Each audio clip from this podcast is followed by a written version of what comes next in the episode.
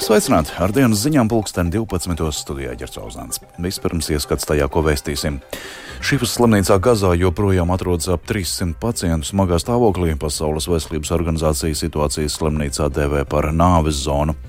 Otrās instances spriedumu Zolītūdas traģēdijas krimināllietā pārsūdzējis gan apsūdzētais, gan prokurors un cietušie.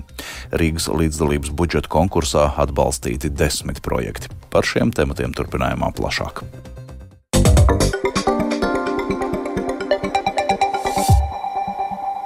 Izraels aizsardzības spēkiem turpinot sauszemes ofensīvu Gazas joslā, ANO humanās situācijas izvērtēšanas grupa apmeklēja Gazas joslas lielāko slimnīcu, kur Izraels karaspēks veic reidu pret teroristisko grupējumu Hamas. Izraels varas iestādes paziņoja, ka ļaus Gazas joslā iebraukt kravas automašīnām ar degvielu, kas nepieciešama dažādu iekārtu darbināšanai, lai novērstu infekciju slimību izplatīšanos. Eiropas komisijas priekšsēdētāja Urzula Fonderleina paziņojusi par Eiropas Savienības plāniem palielināt humanās palīdzības apjomu uzbrukumu Gazas joslā. Vairāk par visu stāsta Rustams Šukurovs. Pasaules veselības organizācijas pārstāvju vadītā ANO humanās situācijas izvērtēšanas grupa apmeklēja Gazas joslas lielākās Ašifas slimnīcas kompleksu. Drošības apsvērumu un laika ierobežojumu dēļ grupa slimnīcā varēja pavadīt tikai vienu stundu. Pasaules veselības organizācijas paziņojumā teikts, ka slimnīca, kuru grupas pārstāvji nodēvēja par nāves zonu, atrodas diezgan izmisīgā situācijā. Pasaules veselības organizācijas paziņojumā norādīts, ka grupas pārstāvji apmeklējot slimnīcas kompleksu redzēja apšaužu izraisītos postījumus. Tāpat paziņojumā teikts, ka pie slimnīcas kompleksa galvenās ieejas atrodas masu kaps ar 80 cilvēku mirstīgajām atliekām. Tīrā ūdens, degvielas, medikamentu, pārtikas un citas būtiskas palīdzības trūkuma dēļ pēdējo sešu nedēļu laikā Ašifas slimnīca, kas savulaik bijusi lielākā, modernākā un vislabāk aprīkotā slimnīca Gazas joslā, ir kļuvusi par faktiski nefunkcionējošo objektu, teikts Pasaules veselības organizācijas paziņojumā. Tāpat Pasaules veselības organizācija norāda, ka Ašifas slimnīcā joprojām atrodas 25 veselības aprūpes sistēmas darbinieki un 291 pacients, tostarp 32 smagā un kritiskā stāvoklī esošie zīdaiņi. Izraēlas premjerministrs Benjamins Netanjahu tikmēr paziņojis, ka viņa vadītājs drošības kabinets devis piekrišanu ielaist Gazas joslā divas kravas automašīnas ar degvielu dienā, lai novērstu iespējamo epidēmijas izraisīšanu. Humanās palīdzības sniegšana ir būtiska, lai turpinātos starptautiskais atbalsts. Bez humanās palīdzības nodrošināšanas pat mūsu tuvākajiem draugiem laika gaitā būs grūti mūs atbalstīt, un mums būs grūtības novest karu līdz beigām. Līdz ar to, saskaņā ar Izraēlas aizsardzības spēku un izlūkdienas ieteikumu, drošības kabinets pieņēma lēmumu izpildīt amerikāņu lūgumu un atļaut divām degvielas kravas automašīnām dienā iebraukt Gazas joslā. Tas ir minimālais degvielas daudzums - degviela, ūdens sūkņu un kanalizācijas darbības uzturēšanai. Eiropas komisijas priekšsēdētāja Urzula Fonderleina vakardien apmeklēja Eģiptes ostas pilsētu Alārīšu, kur izvērsta Gazas joslai paredzētās humanās palīdzības kravu pārkraušanas operācija. Vizītes laikā Fonderleina paziņoja, ka Eiropas Savienība strādā pie tā, lai palielinātu humanās palīdzības apjomus iedzīvotājiem Gazas joslā. Eiropas komisijas priekšsēdētāja norādīja, ka Eiropas Savienības amatpersonas risina sarunas ar Kipras valdības pārstāvjiem par vidusjūras humānā koridora izveidi. Mēs ļoti cieši sadarbojamies ar Kipras varas iestādēm, lai palīdzētu tām noteikt šāda koridora loģistikas parametrus, un esam gatavi sniegt tehnisku palīdzību visās attiecīgajās jomās, pamatojoties uz viņu vajadzībām, atzīmēja Fonderleina. Rustam Šukurovs, Latvijas Rādio. Ukrainas pretgaisa aizsardzība aizvadītajā naktī notriekos 15 no 20 Krievijas raidītajiem trieciendroniem Šahed, tā šodien paziņoja Ukrainas gaisa spēki.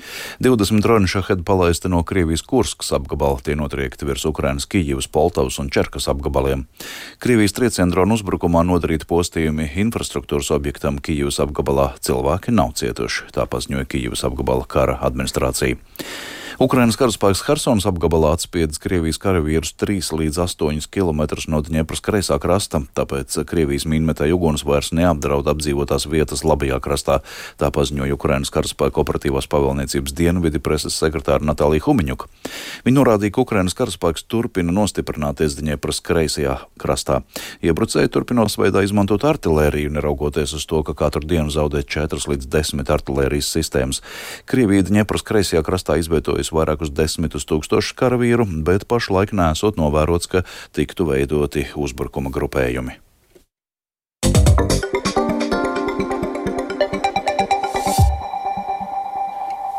Rīgas apgabaltiesas spriedumu tā dēvētajās Zolitūdas traģēdijas krimināllietā pārsūdzējis gan apsūdzētais, gan prokurors un 30 cietušie. Par Rīgas apgabaltiesas krimināla lietu tiesas kolēģijas spriedumu iesniegts kasācijas protests, kā arī to kasācijas kārtībā ir pārsūdzējuši apsūdzētais Ivars Sergets un viņa aizstāvis, tāpat apelācijas sūdzību iesniegus apsūdzētās Marikas Trejas advokāte un cietušo pārstāvē zvērnāta advokāte. No 53 personām, kas atzīts par cietušajām, iesniegts 30 cietušo sūdzības. Turpina Agnija Lazdiņa.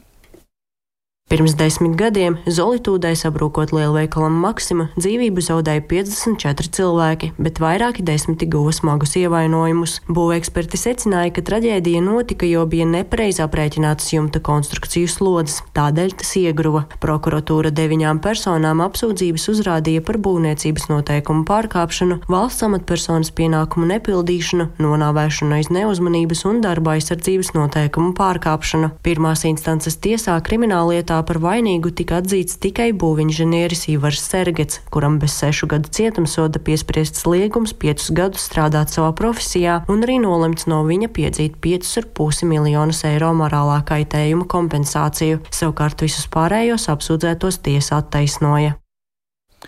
Šobrīd lieta nosūtīta augstākajā tiesā. Pašlaik asācijas tiesvedība vēl nav ierosināta un izskatīšanas datums nav zināms. Rīgas līdzdalības budžeta konkursā atbalstītas desmit rīznieku iesniegts apkaimņu attīstības ieceres, kuras tuvāko divu gadu laikā īstenos Rīgas domas teritorijas labiekārtošanas pārvalde. Šādu konkursu rīkoja jau piekto reizi. Kā tas pagājušā gada, plašāk Agnijas Lazdiņas ierakstā. Līdzdalības budžets ir iespēja Rīgas iedzīvotājiem lemt par to, kā izmantot daļu no pilsētas budžeta, gan pašiem iesniedzot savas apkaimes attīstības ieceres, gan balsojot par tām, kuras pašvaldībai īstenot. Šogad līdzdalības budžeta finansējums bija 700 tūkstoši eiro, un katras ieceres īstenošanai maksimāli pieejami 70 tūkstoši eiro. Katrs iedzīvotājs varēja nobalsot tikai vienu reizi un atbalstīt vienu projektu. Kopumā balsojumā piedalījās vairāk nekā 33 tūkstoši iedzīvotāji iedzīvotāji. Kā norāda Rīgas apkaimju iedzīvotāju centra pārstāvja Ilona Stalidzāne, pēc visvairāk nobalsotajiem projektiem var redzēt, ka tās ir lietas, kas iedzīvotājiem pietrūkst pilsētā. Šogad eh, mums eh, kopā tika iesniegti 38 projekti, no kuriem balsošanai tika nodoti 30 projekti, kas ir daudz. Nu, cilvēkiem ir salīdzinoši grūti no tik daudziem projektiem izvēlēties eh, to vienu vienīgo, par ko nobalsot. Starp desmit atbalstītajiem projektiem ir tā, tādi, kas paredz apkaimē bērnu rotaļu laukumu izveidi, sporta laukumu iekārtošanu, apgaismojumu izveidi, tirkus laukumu iekārtošanu un citi. Šis līdzlības budžeta konkurss šobrīd ir instruments, kā savā apkaimē panākt to, ko iedzīvotāji paši vēlas. Tā uzsver Stalidzāne.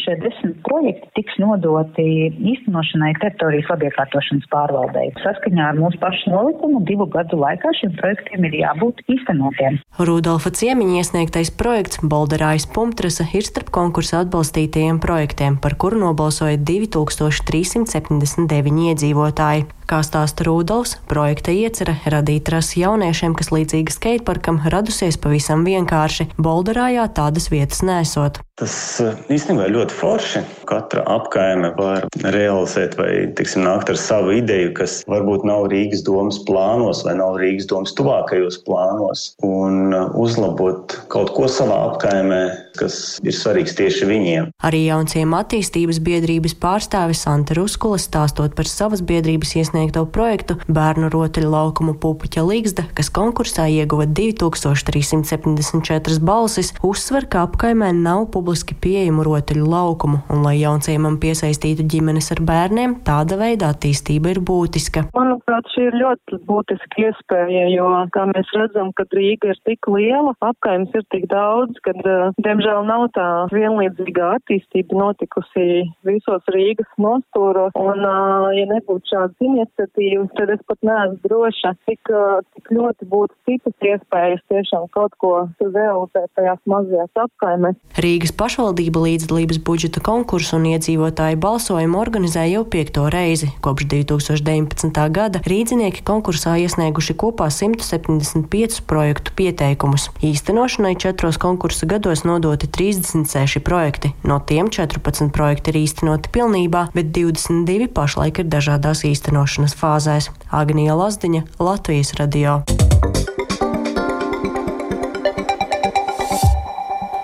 Turpmākajās minūtēs par aktualitātēm sportā. Latviešu hokeistiem Nacionālajā hokeja līgā šonakt zaudējumi, bet izšķirošā spēle kontinentālajā kausā priekšā Latvijas čempioniem hokejā zemgalē. Par šiem un citiem notikumiem sportā vairāk stāsta Māris Bergs. Latvijas futbola izlase Eiropas čempionāta kvalifikācijas turnīra pēdējā spēlē ar 0-2 zaudēja Horvātijai. Pretinieki abus vārtus guva spēles pirmajās 16 minūtēs. Horvātiem visu maču ļoti pārliecinoši kontrolējot spēles gaitu. Mājiniekiem visas spēles gaitā tā arī neizdevās radīt nekādu apdraudējumu pie Horvātijas vārtiem.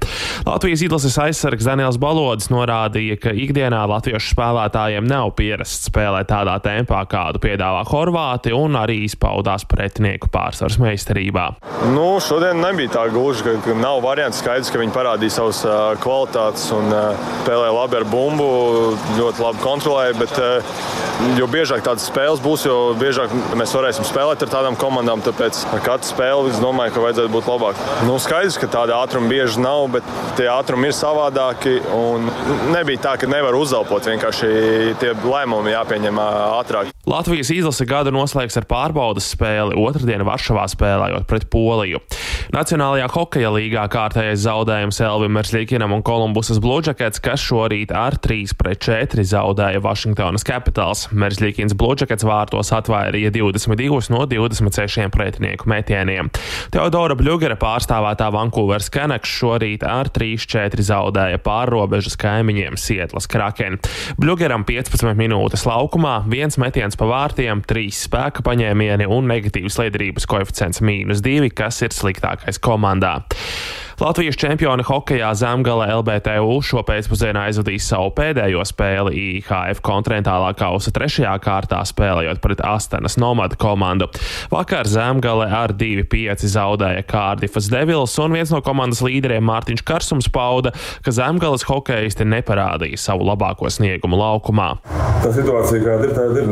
Tad, tad jau ar to spēli nedabūsim atpakaļ. Bet nu, labā ziņa tas, ka mums rīt to spēli un iespēja vēl ir tikt.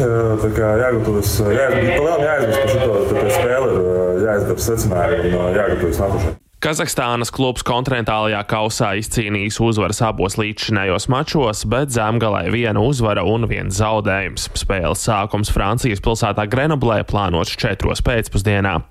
Pirmās formulas Lasvegasas Grand Prix kārtējo uzvaru svinēja šā gada F1 čempions Maks Verstapens. Sacīkšu gaitā līderi mainījās vairāk kārt, un posms kopumā izvērtās gan aizraujošs. Finišu kā otrais sasniedza Ferrari pilots Šārls Leklērs, kurš pēdējā aplī tomēr paspēja paspēja tikt garām Sergio Perezam, viņam finišējot trešajam. F1 sezona noslēgsies jau pēc nedēļas, kad sacīkstas risināsies Jasmarīna trasē Abu Dabī. Pirms brīža Ķīnā sācies otrais pasaules kausa posms bobslajā četrniekiem. Vakar četrniekos Emīla Cipuļa ekipāžai 4. vieta, bet Jākaps Kalenda palika pēdējā 11. vietā. Otrais brauciens bobslējistiem sāksies pusdivos pēcpusdienā, bet par sportu man šobrīd tas arī viss. Līdz ar to izskan dienas ziņas 12.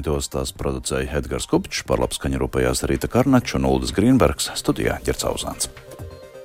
Yeah.